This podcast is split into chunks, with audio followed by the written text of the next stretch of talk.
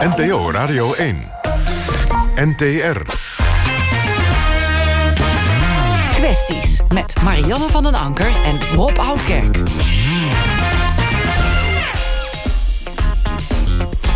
Goedenavond, vrienden van de radio. Welkom bij weer een nieuwe aflevering van Kwesties. Het live debatprogramma van NPO Radio 1... waarin wij actuele en brandende kwesties in Nederland bespreken.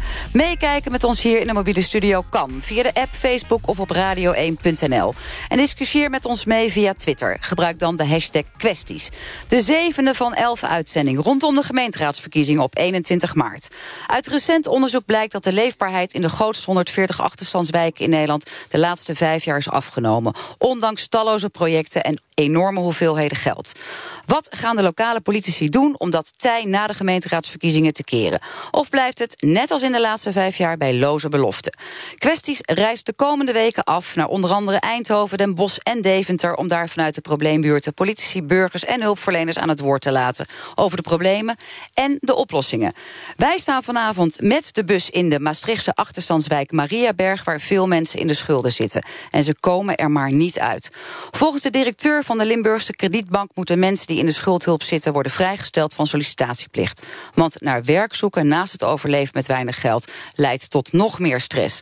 Is dat een goed idee? Daarover straks hier in Maastricht meer. Collega, daar ben je, in Rotterdam, mijn Rotterdam, Rob Oudkerk... Ja, jouw Rotterdam, eh, Marianne. Uh, op het Afrikaanderplein. Hartje Rotterdam, vlakbij het uh, Feyenoordstadion. Liefst de helft van de jongeren in Nederland tussen de 18 en 27 heeft schulden. En dat aantal neemt alleen maar toe. In Rotterdam hebben zo'n 2700 jongeren problematische schulden. 15% heeft een betalingsprobleem. En landelijk is dat maar 8%, dus dat is eigenlijk twee keer zoveel. De jongeren hebben problemen met het betalen van de huur, de verzekering, de opleiding. Met alle gevolgen van dien. Ze zijn al jong geregistreerd als wanbetaler, kunnen daardoor verschillende abonnementen en huurovereenkomsten niet afsluiten.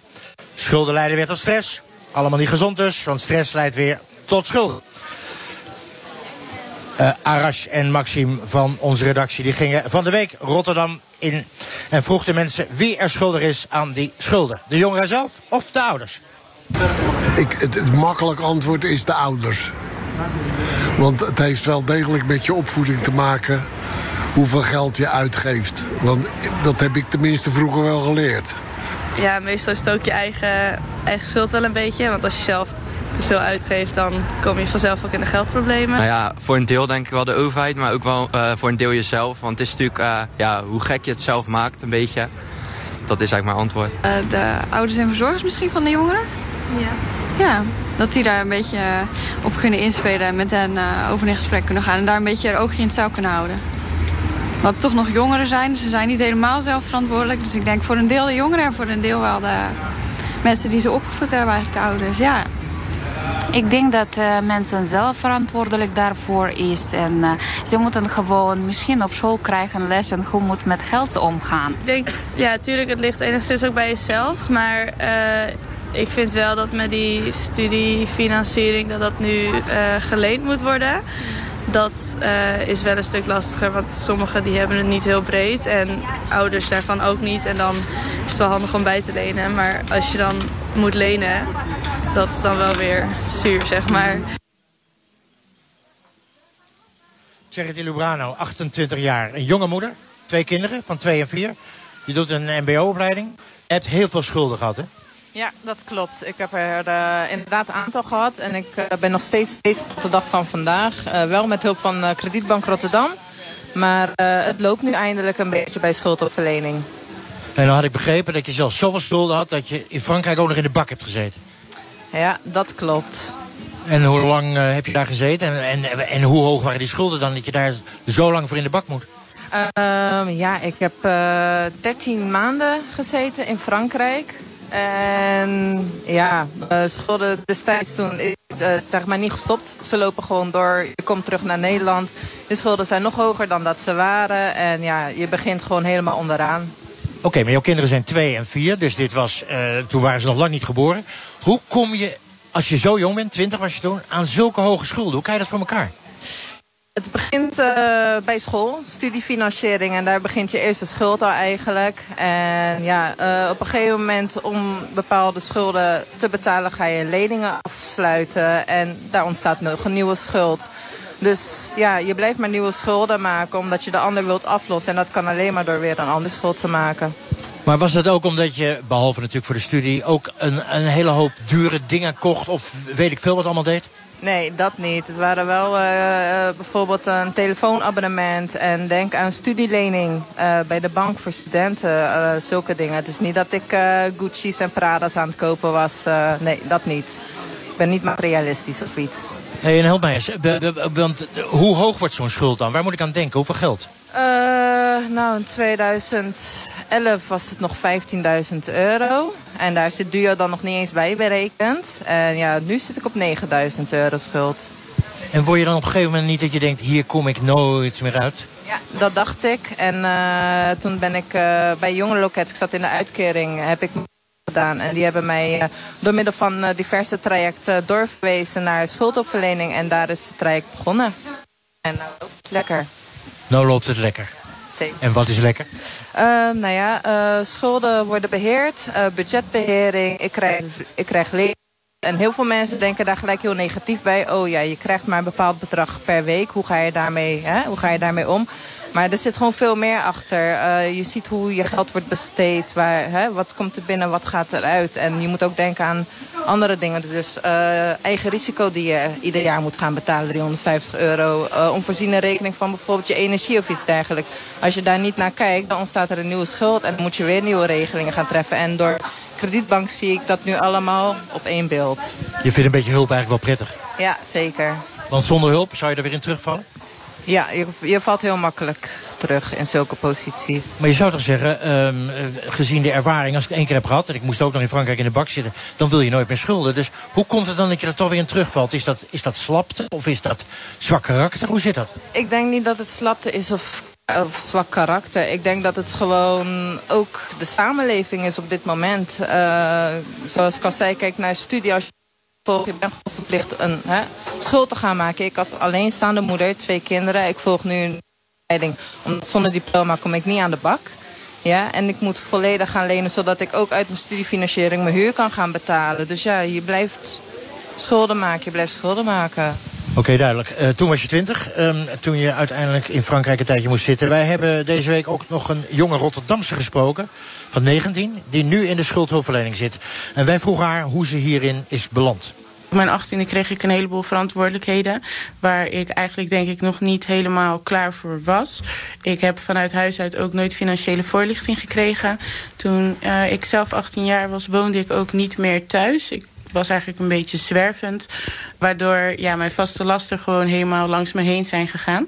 Vanaf het moment ja, dat ik de deur uit was, uh, had ik maar een heel laag inkomen. En ja, dat was echt noodzakelijk om mezelf te eten te geven... en mezelf te voorzien van levensonderhoud dat is, het is begonnen met mijn verzekering niet betalen. En dat bedrag is alleen maar opgestapeld. En uiteindelijk zag ik ook door de bomen het bos niet meer. Uh, de teller stond op 14.000 euro. Eigenlijk was ik rond die leeftijd ook heel erg depressief. Waardoor ja, mijn vaste lasten eigenlijk geen prioriteit hadden voor mij. Heb ik ook heel veel uh, geld uitgegeven aan aan blowen. Het was voor mij was dat een manier van overleven en te kunnen dealen met mezelf. Ik denk dat als uh, de ouders zelf ook schulden hebben... in de problemen zitten qua geld... dat het gewoon veel makkelijker door te geven is aan hun kinderen... en dat de voorlichting daarvoor... ze geven daar geen voorlichting op... en ze geven zelf ook niet het goede voorbeeld. Dus ik denk dat het ook weer iets is... Uh, wat zich constant blijft herhalen. Milena Vermunt, uh, je bent student, vrijwilliger als zogenaamde geldmattie. Wat is een geldmattie? Geldmattie is een jongere die een andere jongen met schulden begeleidt. Um, het is een peer-to-peer -peer project waarbij we, ja, wat ik zei, jongeren met of financieel risicovol gedrag of uh, die al flinke schulden hebben begeleiden. We, we stabiliseren en vervolgens leren we ze vaardigheden aan om, om ja, niet weer in de schulden te raken of in ieder geval beter met het geld om te kunnen gaan. En doe je dat vanuit je eigen ervaring dat je ook schulden had of krijg je daar een cursus in? Hoe werkt dat? Ik, uh, ik doe mijn afstudeerstage bij het Jongereninformatiepunt Rotterdam. En Geldmattie is een project van het, van het JIP. Um, daarbij ben ik dus vrijwilliger geworden. Omdat ik het echt, ja, het is gewoon super leuk om te doen. En het is heel, ja, heel waardevol is het ook om iemand zo te kunnen begeleiden en te helpen daarbij. Je bent eigenlijk gewoon een soort hulpverlener. Als een dokter, verpleger, daar komt het eigenlijk op neer. Hey, uh, nou doe je dit een tijdje. Zie je het aantal schulden of de schulden, het aantal jongeren, zie je dat toenemen? Ja, bij Geldmattie hebben we dus echt dat we jongeren begeleiden. Bij mijn stageplek komen er heel veel jongeren gewoon binnenlopen... die echt gewoon vol met, met ongeopende brieven hebben... waar alleen maar schulden, brieven over schulden in zitten. En ja, het neemt niet af, het neemt, ja, het neemt eigenlijk alleen maar toe. Maar dat zijn allemaal jongeren, dus echt jonge mensen. Hoe komen die aan zoveel schulden? Dat moet toch bijna zijn... Jij hoorde het net niet, maar uh, die 19-jarigen die zijn net... ja, heel veel blowen, uh, een aantal andere dingen. Hoe komt dat? Ja, wat je zegt, veel kort, korte termijn denken. Um, er werd net al gezegd, telefoonabonnementen afsluiten, zorgverzekering niet betalen. Veel ook dingen niet weten die je moet gaan regelen. Duo, je begint al, je maakt al een slechte start, want je moet al lenen om... om... Het, het is ook gewoon onwetendheid. Ja, ook, denk ik ook. Ik denk ook dat, het niet, dat veel jongeren niet genoeg informatie erover krijgen. Het wordt ook heel makkelijk gemaakt. Ik bedoel, waarom kan een jongere van net 18 jaar met 0,01 cent op zijn rekening een telefoonabonnement afsluiten? Van een paar honderd euro. Weet je, dat is zo makkelijk, wordt het gemaakt om, om ja, korte termijn denken. Om, om zomaar aan je geld te komen. En... Nou, even de schuldvraag. Wel aardige term in verband met schulden een telefoonabonnement kan heel duur zijn. Maar eh, denk jij ook, het is een soort verleiding? Hè? Ze komen bij Vodafone of KPN waar dan ook binnen. En, oh, dat is zo goedkoop en je krijgt korting. En hup, je bent in het pak genaaid. Ja, ook zeker. Ja, er komt ook veel fraude, gebeurt er ook mee. Dat, uh, dat, dat mensen bedreigd worden om zo'n winkel in te lopen... en dan een telefoon te geven. Vervolgens zit die jongere of, of persoon betaalt dan voor de, voor de abonnementskosten. Um, maar het wordt heel makkelijk gemaakt. Je kan bij Kruidvat ook een lening afsluiten tegenwoordig. Ik bedoel, de meest laagdrempelige plekken kan je, kan je zomaar leningen sluiten. Of, ja. Dat is ook raar, hè? want we hebben juist met die hele uh, crisis gemerkt... dat je helemaal niet meer zo makkelijk een hypotheek krijgt. Maar op dat iets lagere niveau dus eigen schulden maken... ongeveer hier tot nemen. Ja, dat is heel bizar. En dan zeg je dat het zo'n leuk werk is. Dat betekent dat je ook resultaat ziet? Uh, je ziet resultaat, maar dan vooral in, in, je ziet resultaat in dat je heel veel, veel rust zorgt. Uh, als iemand die wat je doet, is gewoon zorgen. Eerst gewoon alles helder, stap voor stap. Uh, ik vertel dan wat we gaan doen, waar we aan gaan werken. Je zorgt voor zoveel rust en voor, ook weer voor meer toekomst. Dus het is allemaal wat, wat helderder. En dat is vooral heel fijn om dat te kunnen betekenen. Tot zover ervaringsdeskundige. Um, wij maken de uitzendingen nu in verband met de gemeenteraadsverkiezingen op 21 maart. Thailand Cicek van de SP nummer 3 op de lijst. Kom je dan in de raad? Ja, en de nummer 6 en 7 ook hopelijk. Tot zover de verkiezingsplaat van de SP. Um, hoe komt het dat zoveel jongeren in Rotterdam in die schulden raken? Ja, dat vind ik een interessante vraag. Um, net in je vraagstelling begreep ik ook dat je zei van... Um, is het de verantwoordelijkheid van de zelf of van hun ouders? En ik vind dat een beetje eendimensionaal. Want wat ik heel vaak zie in mijn eigen omgeving, ook als jongerenwerker... is dat de financiële mobiliteit van jongeren heel laag is. Dat de kansenongelijkheid heel groot is. Dat ze heel moeilijk aan een baan komen. Dat ze heel moeilijk mee kunnen liften met de ontwikkeling die Rotterdam bijvoorbeeld doormaakt. Dat ze een achterstandspositie hebben. En dat ze echt wel redelijk kansarm zijn. En dat aan de andere kant ook een hele masculine straatcultuur is. Waarbij het heel belangrijk is dat je mooie schoenen hebt. Of een telefoonabonnement. Mobiliteit en connectiviteit hangt allemaal van je telefoon af. Dus je moet mee in een samenleving waar je niet de liquide middelen voor hebt. En dan kom je op een gegeven moment in een achterstandspositie. En in een financieel isolement natuurlijk. Nou zei je in een voorgesprek met een van onze redactieleden... dat biculturele achtergrond, allochtone jongeren, dat die eh, veel eerder raken. Komt dat door hun sociaal-economische achtergrond? Heeft dat nog een andere reden? Nou ja, als je ziet dat in Rotterdam uh, jongeren met een migrantenachtergrond drie keer zo vaak werkloos zijn, werkloos zijn dan autochtone jongeren, dan moet je wel eens waar ligt dat verschil in? En ik geloof dat jongeren met een migrantenachtergrond sneller in de problemen en in de schulden komen, dat het puur is omdat de kansongelijkheid gewoon groot is. En ik, die achterstandpositie echt wel zichtbaar is. Dat betekent dus dat jullie als SP zeggen... we gaan die kansenongelijkheid te leiden. Dan gaat het met die schulden ook wel de goede kant uit. Maar tegelijkertijd, avontuur, iedereen is bezig met uh, mooie horloges aan het andere dingen. Kortom, hoe krijg je dat weer gebreken? Ja, ik denk dat we, ehm, kijk, vanuit de SP zijn een aantal, aantal dingen die wij in onze verkiezingsprogramma hebben meegenomen, die wij heel belangrijk vinden. En dat is op het moment dat er een probleem is, dat je dat direct snel aanpakt. Uh, dat er in ieder wijk bijvoorbeeld een netwerk is die uh, iets kan doen met schuldsanering en schuldhulpverlening. Dat het toegankelijk is, laagdrempelig is, dat we ook wijkbudgetten hebben. Dus dat op het moment dat het probleem ontstaat, maar de vraag is inderdaad, hoe kan je aan de voorgrond zorgen dat mensen niet in de problemen komen? En dat is inderdaad het uh, keihard van die kansenongelijkheid. Oké, maar het kan ook op een andere manier. En dat heeft Leefbaar uh, Rotterdam gedaan, die hier al uh, bijna vier jaar in het college zitten. Die hebben het zogenaamde budgetbeheer ingesteld. Ingeborg Hoogveld van Leefbaar Rotterdam, wat is budgetbeheer? Uh, basisbudgetbeheer betekent dat je uh, alle vaste lasten wegneemt van mensen. Gas, water, licht, uh, huur, zorgverzekering, gemeentelijke belastingen. daardoor houden mensen een, een leefbedrag over dat geschikt is om gewoon je boodschappen van te doen. En dat maakt het in ieder geval heel erg overzichtelijk. Overzichtelijk zeker, maar e-, even gewoon feit. Maar 1000 euro van een of ander baantje. En dan wordt eerst een paar honderd euro afgepakt van datgene wat ik nog moet betalen. Dus dan ook maar 700 of 600 euro over. Ja, maar, dat is een vaste last, uh, gas, water, licht en huur. En het voordeel daarvan is dus dat je niet je huis uitgezet wordt op het moment dat je in de schulden komt. Dat niet uh, je elektra uh, wordt afgesloten. Dat je niet in de kou hoeft te zitten. Dus je basisbehoeften die zijn geregeld. Voordeel begrijp ik, maar je zou kunnen zeggen, net zoals jij waarschijnlijk, ik betaal mijn gas en licht et cetera zelf. Dus dan komt er een ander even om de hoek en die gaat dat allemaal voor mij betalen. Voel ik me wel een beetje, um, laten we maar zeggen, gekleineerd.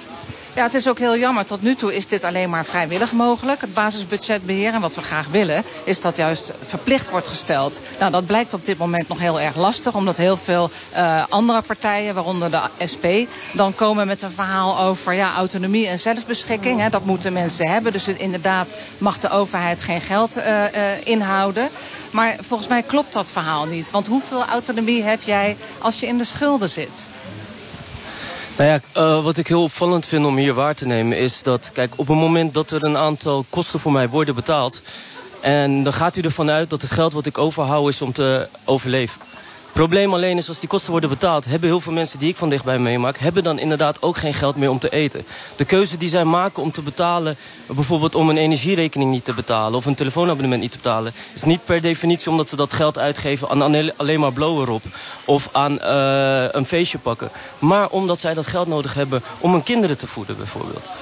Ja, maar deze vader die kloppen gewoon niet. Want we kennen vanuit de gemeente precies de bedragen die mensen hebben. En dat zijn normbedragen en die heeft, iedereen heeft daar recht op. En die hebben mensen ook. En daarmee kun je gewoon rondkomen. Maar wat ik heel erg merk in deze discussie... en dat, dat verontrust me echt... is dat uh, het, de verantwoordelijkheid heel erg buiten uh, mensen zelf wordt gelegd.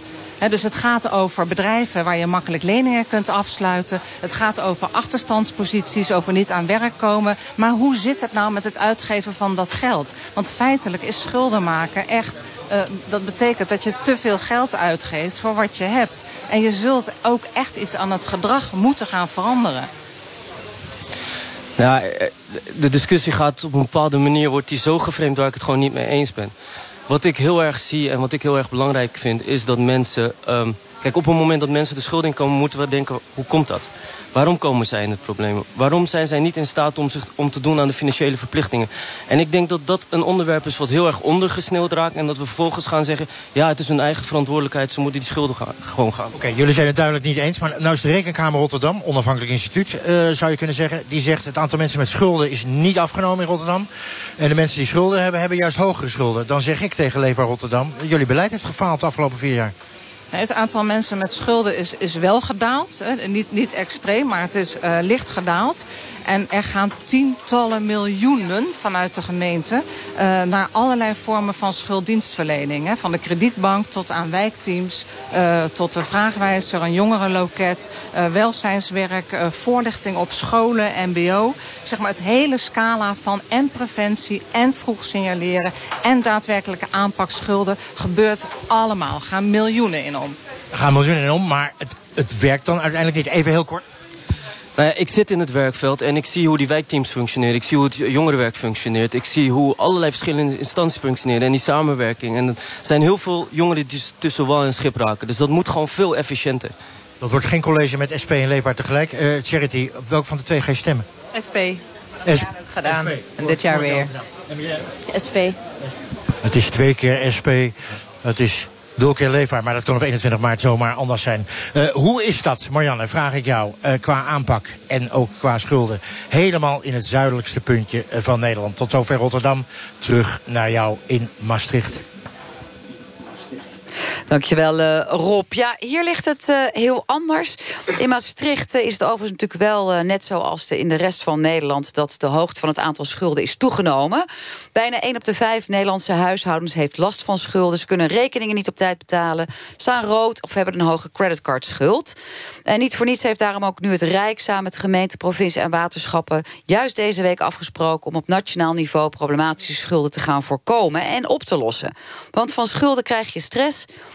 Je wordt er depressief van en je komt er vaak niet meer van af. Wij gaan hier praten over hoe je wel van je schulden af kan komen. Want juist hier in de regio Maastricht heeft nu onder meer de Kredietbank Limburg ervoor gepleit om in ieder geval te zeggen: deze mensen die bij ons iets hebben geleend, die moeten stoppen met hun sollicitatieplicht, want daar lijden ze alleen maar onder. Want de kredietbank is juist de bank waar je geld kunt lenen om uit de schulden te komen. En in veel gemeenten is de kredietbank ook verantwoordelijk voor juist de schuldhulpverlening. Is dat eigenlijk ook nog wel een goed idee? Daar gaan het over hebben. Of belanden mensen met schulden dan nog meer in een isolement als ze ook niet hoeven te solliciteren en als ze ook niet aan een baan komen? Te gast hier in Maastricht, in Mariaberg. Je zei net al, uh, ik woon hieronder. zijn drie jonge vrouwen die alle drie schulden hebben of hebben gehad. En zijn allemaal afkomstig uit de regio Limburg. En zou zeggen, Mavula, jij bent 21 jaar... een alleenstaande moeder met een dochtertje van bijna 4 jaar oud... en jij woont hier echt op een steenworp afstand. Hoe ben jij in de schulden terechtgekomen? Um, ik ben... Ik ben in de schulden terechtgekomen uh, sinds ik 20 ben. Al nu een jaar zit ik erin. En dat was eigenlijk sinds uh, toen ik een auto had ben ik in de schulden gekomen, ja. Ja, dat moet je denk ik even uitleggen. Want als je in de schulden zet, je hebt wel een auto... dan denkt iedereen natuurlijk in Nederland... hoe kan je als je zwaar in de schulden zit een auto rijden? Uh, ja, ik zit nu ook onder bewindvoering. En uh, toen ik voor mijn rijbewijs ging, had hij mijn, mijn rijbewijs betaald, zeg maar. Mijn geld dan mij beweert gewoon mijn en, rekening. En, en, hij is jouw ex? Nee, hij, mijn bewindvoering. Hij is jouw bewindvoerder? Ja. ja. Hij, had, uh, hij beheert mijn rekening. Hij heeft mijn rijbewijs toen betaald. En toen had ik hem gehaald. dacht ik van ja, dan krijg ik dan ook een auto. En hij zei van ja, dat kan niet. Die kan geen auto krijgen. En ik vond dat ik gewoon wel een auto kon krijgen, want ik heb een kind. En even voor terminologie, een auto krijgen. Je dacht, jouw bewindvoerder gaat dat voor jou betalen... vanuit jouw eigen financiële ja. positie. Niet dat ja. je die krijgt van de staat... omdat je nee, nee, nee, dat dat de beloning eigen... is voor het halen van een rijbewijs. Ja, gewoon. Van, mijn eigen, van mijn eigen geld, zeg maar. En uh, ja, daar was hij niet akkoord mee. Maar mijn moeder, was, maar mijn moeder heeft toch een auto voor mij gehaald als cadeautje, zeg maar. Dat mijn rijbewijs had gehaald. En toen had ze het gewoon op haar naam gezet. En dan kon ik er gewoon mee rijden. Maar toen moest het weer op mijn naam. En ja, daar heb ik zeg maar een kleine discussie met hem over gehad. Heb ik hem toch op mijn naam gezet. En hij wou het toch niet betalen. Maar toen zo is de schuld zeg maar, mij opgekomen. En toen, want die schuld heb je vervolgens gekregen... want die auto op jouw naam stond. Ja. En is dat dan door de verzekering en door de benzine? Of heb je boetes gekregen? Uh, ja, alle drie. Alle drie? ja. ja. Oké. Okay. En jouw bewindvoerder was het niet eens met ja. dat besluit? Ja. En waarom ben jij tegen je... Ben je, je bent ook vervolgens uit de bewindvoering gegooid, neem ik aan. Omdat je niet aan de afspraken hield. Nee, ik zit er nog steeds in. Je zit er nog steeds ja. in? En hoe is, hoe is het zeg maar in jouw ogen, als ik jou de vraag stel... wiens schuld is het nu eigenlijk? Want je praat best negatief over de bewindvoerder. Ja, allebei vind ik eigenlijk gewoon... Of ja, meer mij, maar 75% mij, maar 15% hem vind ik dan eigenlijk... als ik zo vanuit mijn kant naar de zaak kijk. Ja. Je hebt nog steeds die bewindvoerder, ja. um, een dochtertje van vier. Denk je dat je het de komende periode financieel gaat redden? Dat je er weer bovenop komt? Um, ja, denk het wel, ja. Ja? En ga je dan niet meer zoiets doms doen als met die auto? Ja, ik vond het van, vanuit mijn kant geen domme actie. Want ik vond gewoon dat ik er recht op had. Ja, en heb je dan toch, dat, dat, dat kan je dan heel makkelijk zeggen... van ik vind dat ik er recht op heb, maar we hebben een systeem in Nederland... we hebben een bewind ja. voor, we hebben afspraken. Ben je dan niet toch te eigenwijs geweest... en ook niet jouw moeder die dan toch zegt... joh, kind, neem die auto nou lekker? Ja, ik denk dat ik wel eigenwijs ben geweest... maar ik vond wel dat hij me wel eruit kon helpen. Want het is uiteindelijk toch alsnog mijn geld wat hij gewoon beheert, zeg maar. Is het trouwens qua uh, uh, individu, qua persoon nog steeds dezelfde bewindvoerder... Ja. of ben je gewisseld? Nee, het is nog steeds dezelfde, ja. En, en hoe zou je die relatie uh, omschrijven? Is die goed? Is die slecht? Ja, hij doet wel goed zijn werk, ja. Hij doet wel goed zijn werk. Dankjewel, uh, XOC, voor nu. Uh, in de bus zit ook Jenna, Jenna van der Beek. Je bent ook een jonge moeder, je bent 28 jaar... en je hebt een waaijong-uitkering. Je bent ook zwanger. In april verwacht je weer een, uh, een kindje. Hartelijk gefeliciteerd. Hoeveel schulden heb jij? Uh, ja, het precieze aantal, ik weet niet of ik dat echt graag op de radio wil benoemen. Uh, maar het is meer dan 5000 euro, dat kan ik wel zeggen. Mm -hmm. En, um, Hoe ben jij aan die schulden gekomen? Ja, nou, dat is eigenlijk begonnen voor uh, dat ik mijn eerste kindje kreeg. Ik kreeg van mijn vader wat financiële steun. En uh, ja, dan hoef je nog niet zoveel dingen allemaal te betalen. En als je dan zwanger raakt en je komt er alleen voor te staan... en mijn vader was het er niet mee eens, dus dat geldkrantje ging dicht. En dan Hij was het niet een... eens met het feit dat je zwanger raakte? Ja, en dat ik dan geen relatie meer heb. En zeg maar, ja, een beetje traditionele... Hmm. En dan, dus jouw vader die besloot om jou financieel niet meer te steunen? Ja, en dan ja, mis je toch een paar honderd euro per maand. En dan denk je, betaal ik de huur een keertje niet... dan kan ik dat weer wel betalen. En dan raak je achter met de huur, want dat, je denkt... oh, dat betaal ik dan een stukjes wel af. Maar dat is meteen eigenlijk een supergroot stuk uit je, uh, ja, uit je budget eigenlijk per maand.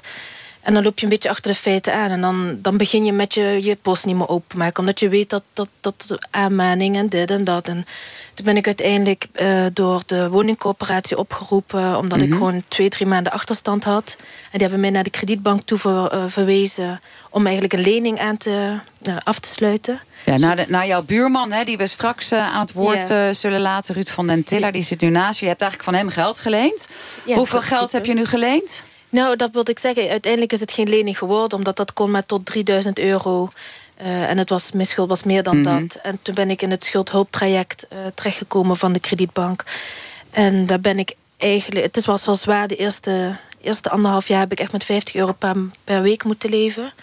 Maar nu uh, ben ik ook onderdeel van een project dat heet Droommoeders. Ja, je kijkt ondertussen achter Ja. je naar uh, Marduka. Die gaat zo direct wat vertellen over dat project... waar twintig uh, moeders uit Maastricht uh, in zitten. En jij bent één, één van ja, hen. en dat is een financiële coach aangesteld van de kredietbank bij het project. En die helpt echt met alles. Die kijkt ook precies naar wat je doet. En dat het niet nog een keer gebeurt, dat we wel... Wie schuld is het nou volgens jou, Jenna... dat jij zo in de schulden bent gekomen? Het is uiteindelijk mijn eigen schuld. Dat, dat staat als een paal boven water, maar...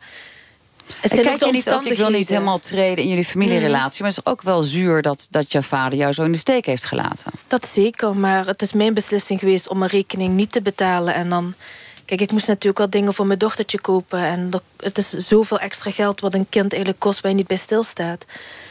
Maar ja, uiteindelijk en voor jou heb toch ook wel reden om weer opnieuw zwanger te raken. Dus je bent nu opnieuw zwanger, je krijgt Ja. een kindje. Mhm. Is er nu uh, wel een vader in beeld die mee gaat betalen? Dan de vader van het kindje? De vader van het, is, kindje? Ja, het is dezelfde vader. Ik heb bewust gekozen voor nog een kindje. Uh, ik heb geen relatie. Ik, ik heb de harde weg de, bij de eerste kleine gehad. En ik weet wat, wat me te wachten staat. Gaat hij meebetalen? Ik ga er niet van uit. Wat En dan- er binnenkomt is leuk, maar ik... Uh, En dan toch kies je voor eigenlijk best een ingewikkeld spoor. Want je krijgt Ja. straks verantwoordelijkheid voor nog een kindje daarbij. Het kost ook geld. Denk jij dat je het, wanneer denk je dat je het gaat redden? Dat je weer op eigen benen staat? Je hebt ook nog eens een keer een waaijong-uitkering. Dus jouw Klopt. perspectieven op werk zijn ook niet heel erg groot.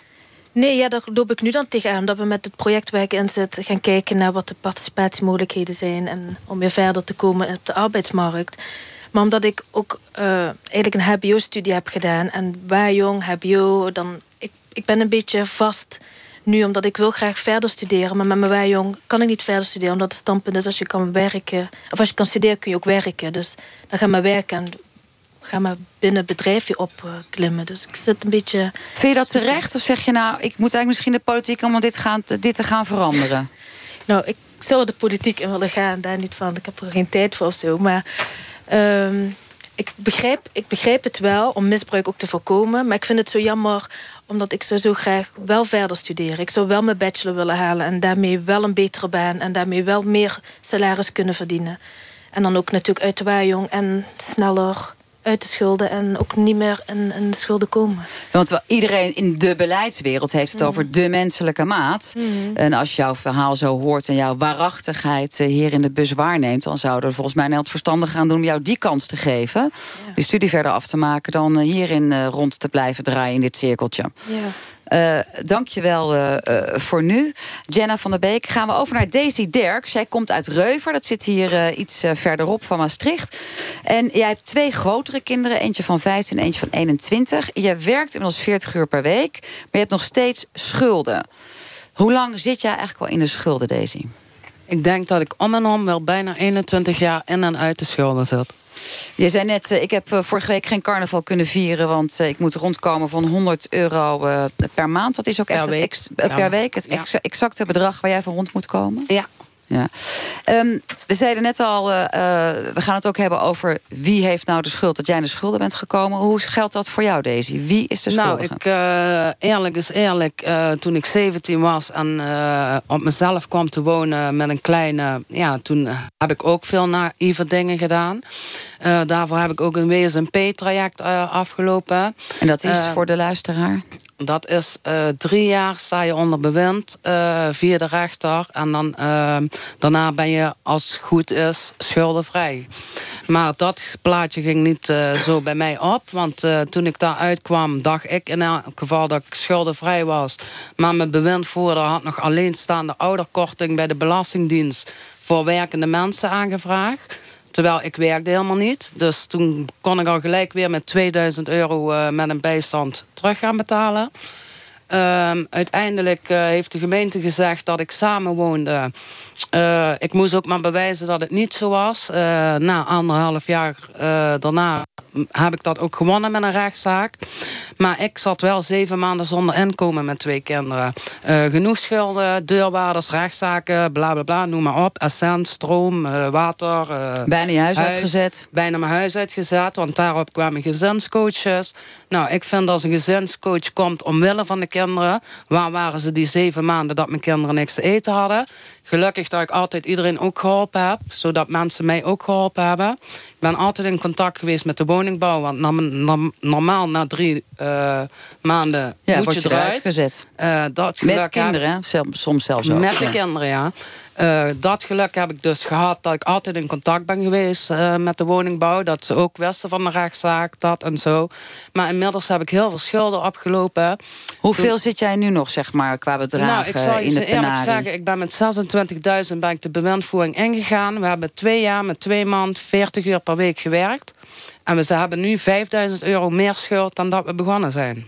Ja, en Dus dat ik is natuurlijk wel raar, raar. Hoe kan dat dan? Dat, dat is eigenlijk wat jij eh, volgens mij wil zeggen... de schuld van het systeem, in dit geval van ik de vind gemeente. dat wel het schuld van het systeem, ja. Want ik vind, kijk, iedereen kan fouten maken...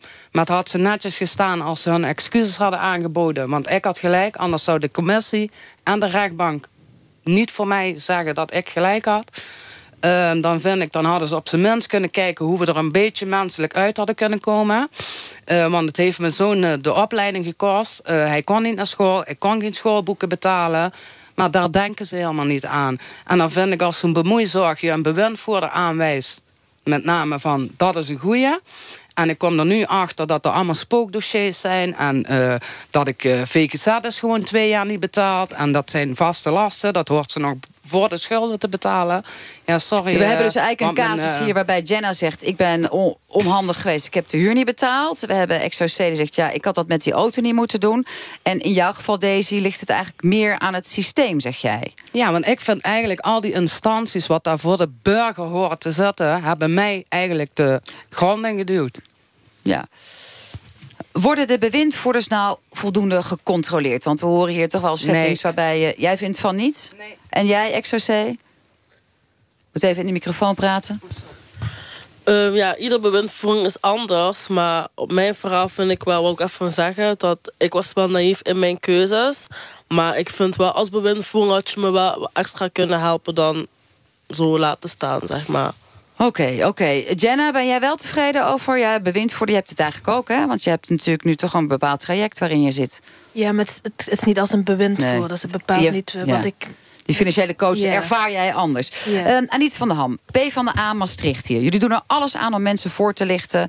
ehm, om te voorkomen dat ze in de schulden komen. Er is een website, pas op je geld. Het uitbrengen van de geldkrant. Inzet op budgetkringen. Schuld- en budgethubbies voor, jo- eh, budgetbuddies voor jongeren. Het spel No Credit, game over. Maar de schulden hier in deze regio en ook in Maastricht... die blijven groeien. Inmiddels zijn ze gestegen gemiddeld naar zo'n 53.000 euro per persoon. 43.000 euro per persoon. Dat is best fors. Verhalen over bewindvoerders. Ehm, vind jij dat die aangesproken moeten worden, die bewindvoerders? Jazeker, de bewindvoerders moeten zeer zeker aangesproken worden. Eh, we hebben ook al eh, in de gemeenteraad eh, besproken dat er wel degelijk bewindvoerders zijn die niet zo goed hun werk doen. We, willen het nog net niet een zwarte lijst noemen, maar er is wel degelijk controle nodig op hoe dat werk uitgevoerd wordt. En ja, er zijn heel veel loketten en heel veel hulpen en alle respect voor de buddies die er zijn om te helpen. Maar er moet ook meer regie vanuit de, de overheid, en dit geval de gemeente, komen. Ja, dan zou het natuurlijk voor de hand liggen als je zegt als gemeente... dan pakken wij die bewindvoerders over, halen we het leggen we lekker weg bij je buurman... want die bakt er niks van.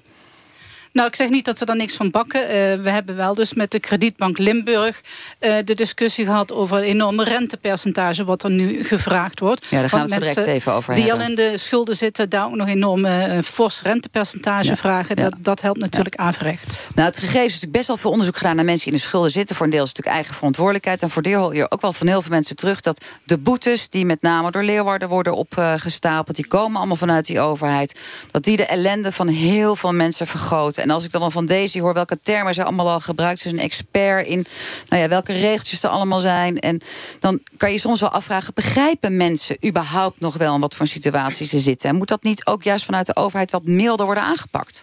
Nou, het mag zeker eh, geholpen worden. De overheid moet altijd helpen eh, waar, het, waar mensen niet meer uit die visieuze cirkel komen. Dus daar is het absoluut de plicht van de overheid om die hulp te bieden. En ja, ik kan me heel goed voorstellen dat mensen niet meer begrijpen. Ik zie zelf ook termen voorbij vliegen dat ik denk van ja, geen wonder dat mensen hier niet meer uitkomen. Ja, Ehm, de VVD is hier ook eh, aan boord. VVD Valkenburg, dat is waar Harry Trimbos. Ehm, ik zei net al, die schulden komen vaak ook juist vanuit overheidswegen hard op mensen hun dak terecht. Verkeerde eh, calculatie van de doorzorgtoeslag, naheffingen van de Belastingdienst, deurwaarderskosten bij een verkeersboete. Het stapelt zich maar op. Moet de gemeente niet gewoon eh, uiteindelijk wat coulanter zijn naar de burger? Ik denk in de algemeenheid dat dat van geval tot geval verschilt. Om daar een uniforme aanpak aan te geven, denk ik dat niet ten goede komt van de mensen die de hulp het hardst nodig hebben. Maar dat je wel een algemene aanpak, een insteek nodig hebt dat mensen die echt niet meer verder kunnen, niet kunnen werken, om welke reden dan ook, dat je die verplichting hebt als gemeenschap om die te helpen. Maar het moet niet zo worden, en dat zegt geen van de drie dames hier aanwezig, dus dat zeg ik met alle respect nogmaals, dat het een soort liefdadigheid vanuit de lokale overheid wordt om mensen die wel zouden kunnen werken, van dat werk weg te halen. Het is de grootste vorm van sociale rechtvaardigheid als je de mensen helpt aan werk. Ja. En dat geeft ook eigenwaarde weer terug. En dat ze weer terug mogen komen in de maatschappij. En dat horen we bij dames ook zeggen. En als je nou, ehm, eh, Harry, kijkt naar het verhaal van Jenna... die zegt, eh, geef mij een beetje maatwerk. Laat mij met mijn hbo-opleiding een route naar werk afronden. Wat zegt dan eh, de VVD? Dat dat de Maatwerk? perfecte instel- insteek is om je leven in te richten. Maar het is Je moet- tegen de regels, dus ze krijgt die ruimte niet. Wat moet Nou, er dan gebeuren? de vraag die je in eerste instantie stelde van wat ik daarvan vond. Ik bedoel, ze gaat uit van haar eigen kansen, van haar eigen mogelijkheden. En die wil ze nastreven. Alleen, wat ze ook aangeeft, ze heeft hulp nodig vanuit, wat hier gezegd het systeem om dat mogelijk te maken. En inderdaad, we hebben die verplichting als maatschappij, vind ik zelf, en als VVD ook, om daar te helpen, daar waar mensen werkwillend zijn. En dat is Jenny. Ja. Nou, eh, hebben de dames, dat hoorde ook min of meer in hun stemmen wel doorklinken, ook heel veel stress juist door deze financiële situatie. Is uit onderzoek bekend dat stress je hersens leegzuigt. Kortom, je wordt daar wat minder verstandig eh, van. Dus een van de redenen die nu is eh, eh, voorgesteld, eh, is om die sollicitatieplicht, die eigenlijk bij wet moet. Hè, je krijgt een uitkering, op wat voor manier dan ook ondersteund, dan moet je in ieder geval solliciteren. Nou wil er vanuit de kredietbank daar een einde aan gemaakt worden. Hoe kijkt u daar tegenaan? Ik vind dat eh, op twee manieren. Enerzijds dat er groepen zijn, mensen zijn, laat ik het persoonlijk houden... die inderdaad daarmee gebaat zouden zijn. En dan moet je als gemeente zeggen van... daar hebben we die sollicitatieplicht op, maar niet uniform. Dan sluit ik aan bij mijn eerdere opmerking weer, dan zul je toch mensen gaan krijgen die misschien misbruik van hè, dat systeem zouden gaan maken. En dat wil je ook niet. We willen nogmaals die, die, trots weer terugbrengen in de mensen, dat ze weer deel uitmaken van de maatschappij, dat ze hun kinderen weer naar school kunnen sturen en zelf weer een broekje of de boeken of wat dan ook kunnen kopen. En bij ons in Valkenburg kunnen ze terugvallen op het breekfonds, dus daar helpen wij dit soort gezinnen mee. Maar die verantwoordelijkheid en de, de blijheid weer om die trots te kunnen zeggen van... hé, hey, ik ben niet meer, dat beladen woord. En dat zegt niet naar de dauw. Ik ben niet meer arm en zit niet meer in uw schuld. Dat vinden wij veel belangrijker. Dank u wel. Ruud van den Tiller, u bent van de Kredietbank Limburg. 7500 cliënten in 18 Limburgse gemeenten. Uh, we hoorden net al dat wat kritiek is op de bewindvoering... die onder uw verantwoordelijkheid plaatsvindt. Trekt u zich dat aan en wat gaat u daaraan doen? Nou, het gaat uh, om bewindvoering. Je hebt commerciële bewindvoerders. Die staan helemaal buiten ons als kredietbank. En wij doen zelf Zijn dat rakkers, die commerciële bewindvoerders? Nee, er, er zitten hele goede bij, maar er zitten ook wat mindere goden bij. En wat moet daar dan mee gebeuren? Want je komt daardoor misschien wel erg in de problemen. Ja, ik vind dat heel erg als ik dat hoor. Want als je in dit vak zit, denk ik dat je net die menselijke maat voorop moet stellen. Dat je mensen goed moet helpen. Maar dat je ook moet, moet kijken naar wat mensen zelf kunnen. En daar langzaam ook aan gaan werken. Vanuit die menselijke maat hebt u gezegd... wij zien heel veel van onze cliënten, want zo noemen we ze dan toch maar... echt met ongelooflijk veel stress, juist vanwege die schuld. En daarom zegt u, stel ze vrij van die sollicitatieplicht... zodat ze een beetje op adem kunnen komen. Ja, in de verhalen die je net hoorde... dan hoor je gewoon als mensen stress hebben dan maken ze vaak niet zo rationele keuzes. En dat is onderzocht. En schijnbaar als je stress hebt door problematische schulden... gaat je IQ met 8 tot 14 IQ-punten achteruit.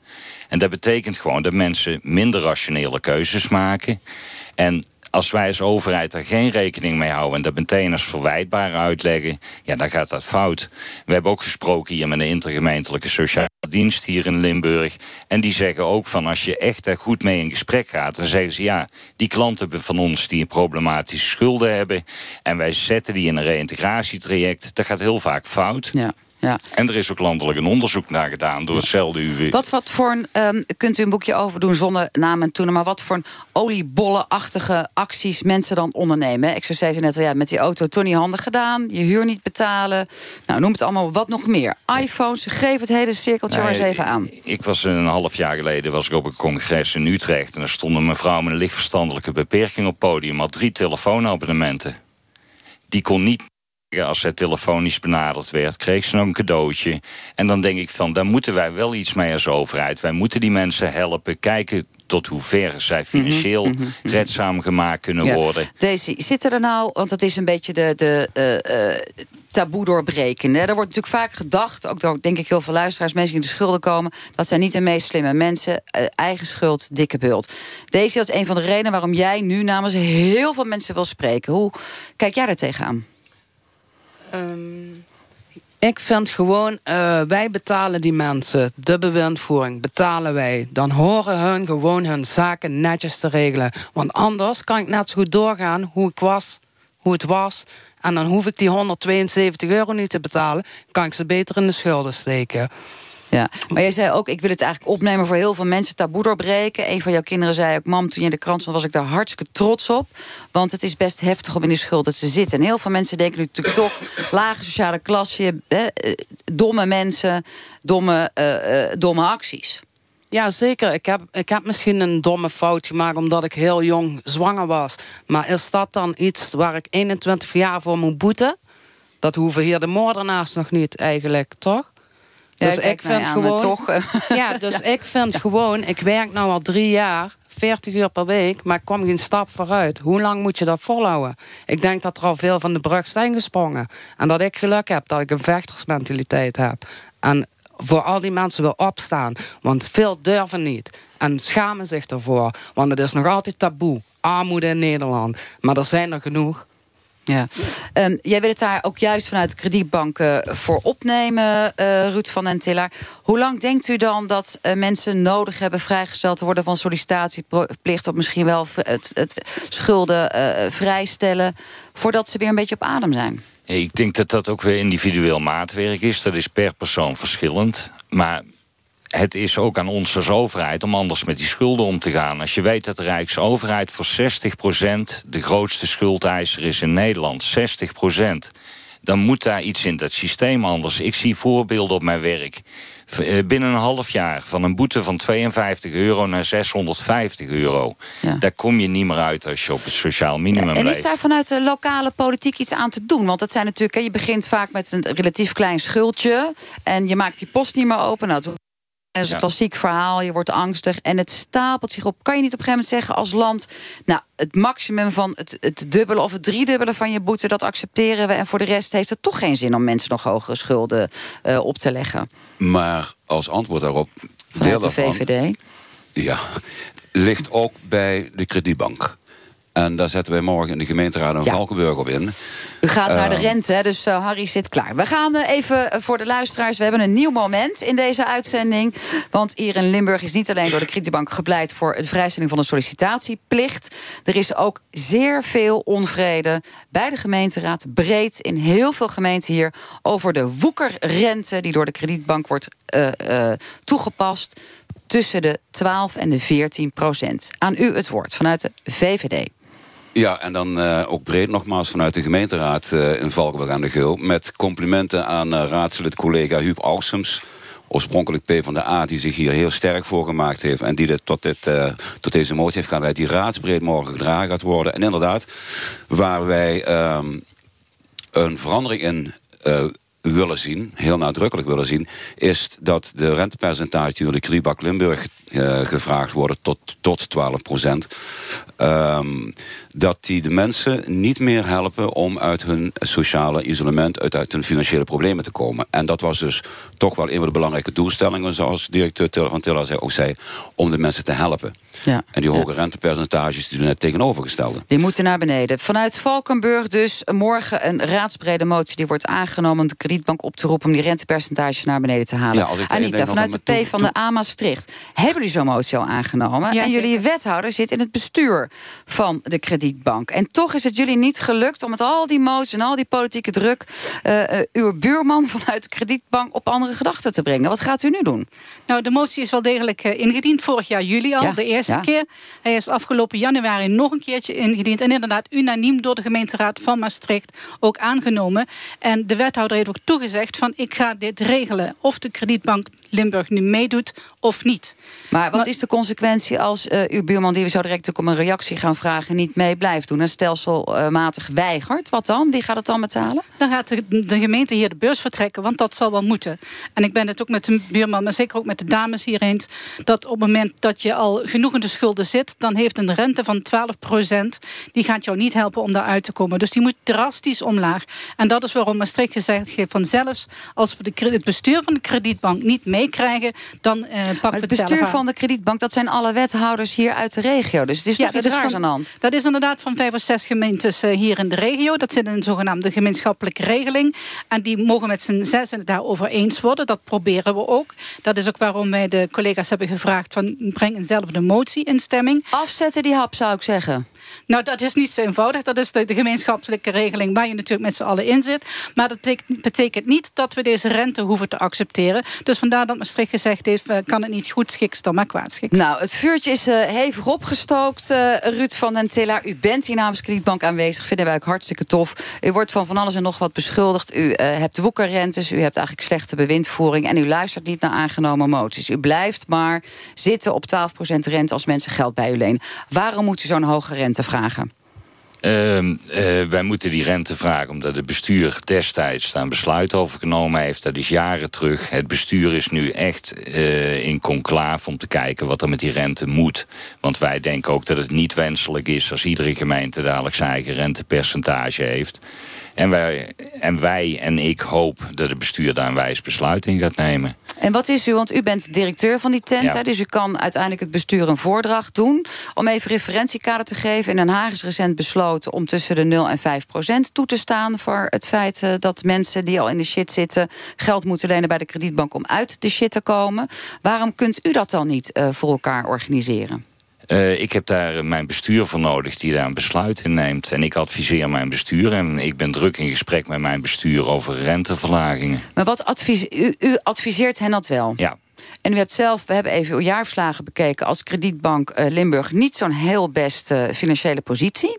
Ja. Ehm, stel nou dat u dat niet voor elkaar krijgt. Wie gaat dan ehm, eh, het verschil betalen als u het niet voor elkaar kan krijgen? Gaan jullie dat dan vanuit de lokale eh, po- eh, politiek oplossen? Ja. Harry en Anita? Wij hebben de, laatste Ja? regel op onze motie, ik heb hier voor me liggen staat... dat mogelijke meerkosten te dekken vanuit budget sociaal domein. Maar de eerste verplichting vinden wij dat inderdaad... en de heer Van Tillat die, die onderschrijft dat... Dat de, dat rentepercentage van de kredietbank Limburg omlaag gaat. Kijk, we hebben de afgelopen jaren de crisissen meegemaakt... die veroorzaakt werden door banken. En dan is de situatie van de kredietbank Limburg natuurlijk heel anders. Maar haar sociale taak kan zij ook alleen maar vervullen... als die rentevoet omlaag gaat. Bovendien, zakelijk geredeneerd... Wat voor zin heeft het om een hoog rentepercentage te gaan vragen aan mensen die niet kunnen betalen?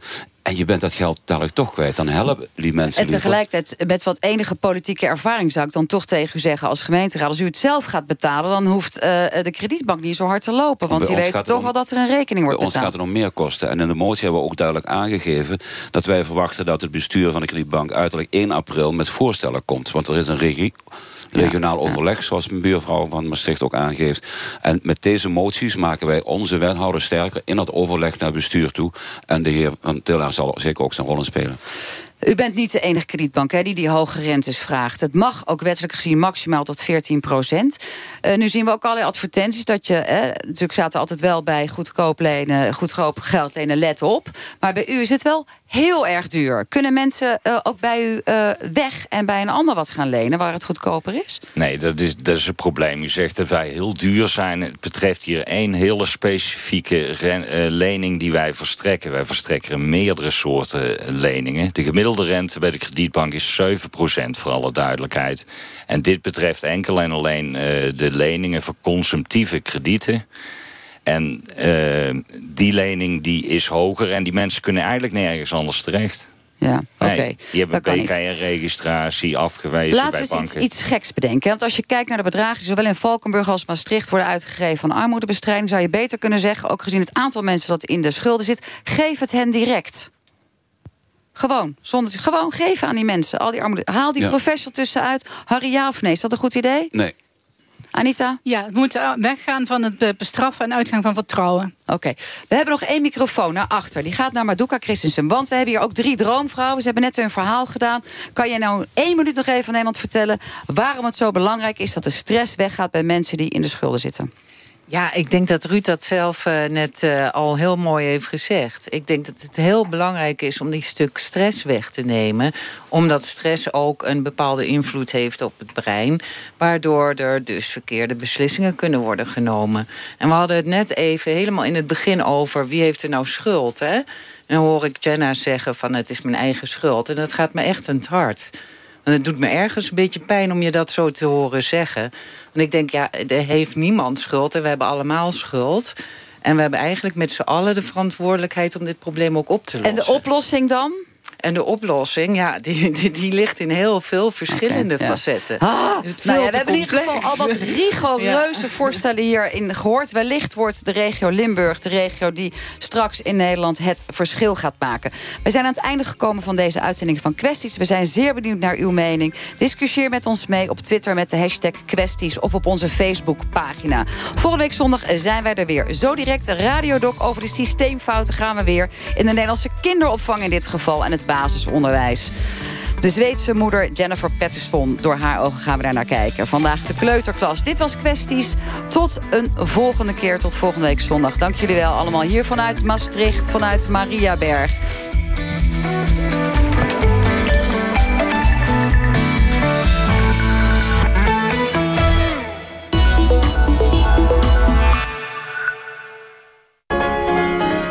Klassiek.nl presenteert klassieke muziek voor iedereen.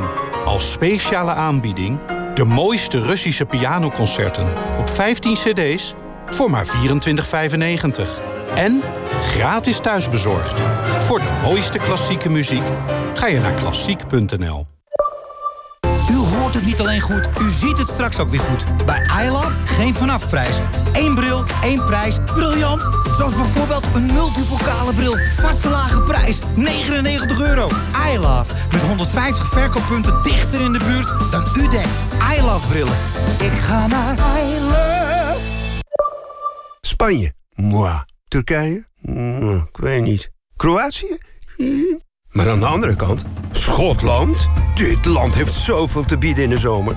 En met de luxe DFDS-ferry ben je er zo. Lekker toeren met je eigen auto door de Highlands, kanoeën, een whiskyproeverij, een dagje Edinburgh. Nu 15% vroegboekkorting op een overtocht naar Newcastle. Kijk op dfds.nl. Een multivocale bril, 99 euro. Ik ga naar I Love. Wachten? Dat is nergens voor nodig. De Discovery Sport Urban Series is nu leverbaar uit voorraad. Maar er is meer. Veel meer. Zo heeft de Urban Series een rijke uitrusting inclusief navigatie, airco en cruise control. En biedt een voordeel tot 5500 euro. Op avontuur gaan wordt zo nog aantrekkelijker. Geniet dus snel van dit perfecte aanbod zolang de voorraad strekt. Ga voor meer informatie naar landrover.nl of de dealer. Land Rover. Above and beyond. Veel mensen in ontwikkelingslanden dromen van een eigen onderneming. Help ze met een microkrediet en krijg er een eerlijk rendement voor terug. Dat kan al vanaf 10 euro per maand. Kijk op oicocredit.nl. Loop geen onnodig risico. Lees de essentiële beleggersinformatie. Wat doen leiders over vijf jaar anders dan nu? Kom ook naar Agile Leadership Europe, het event over het leiderschap van de toekomst. Aanmelden op managementboek.nl slash agile. NPO Radio 1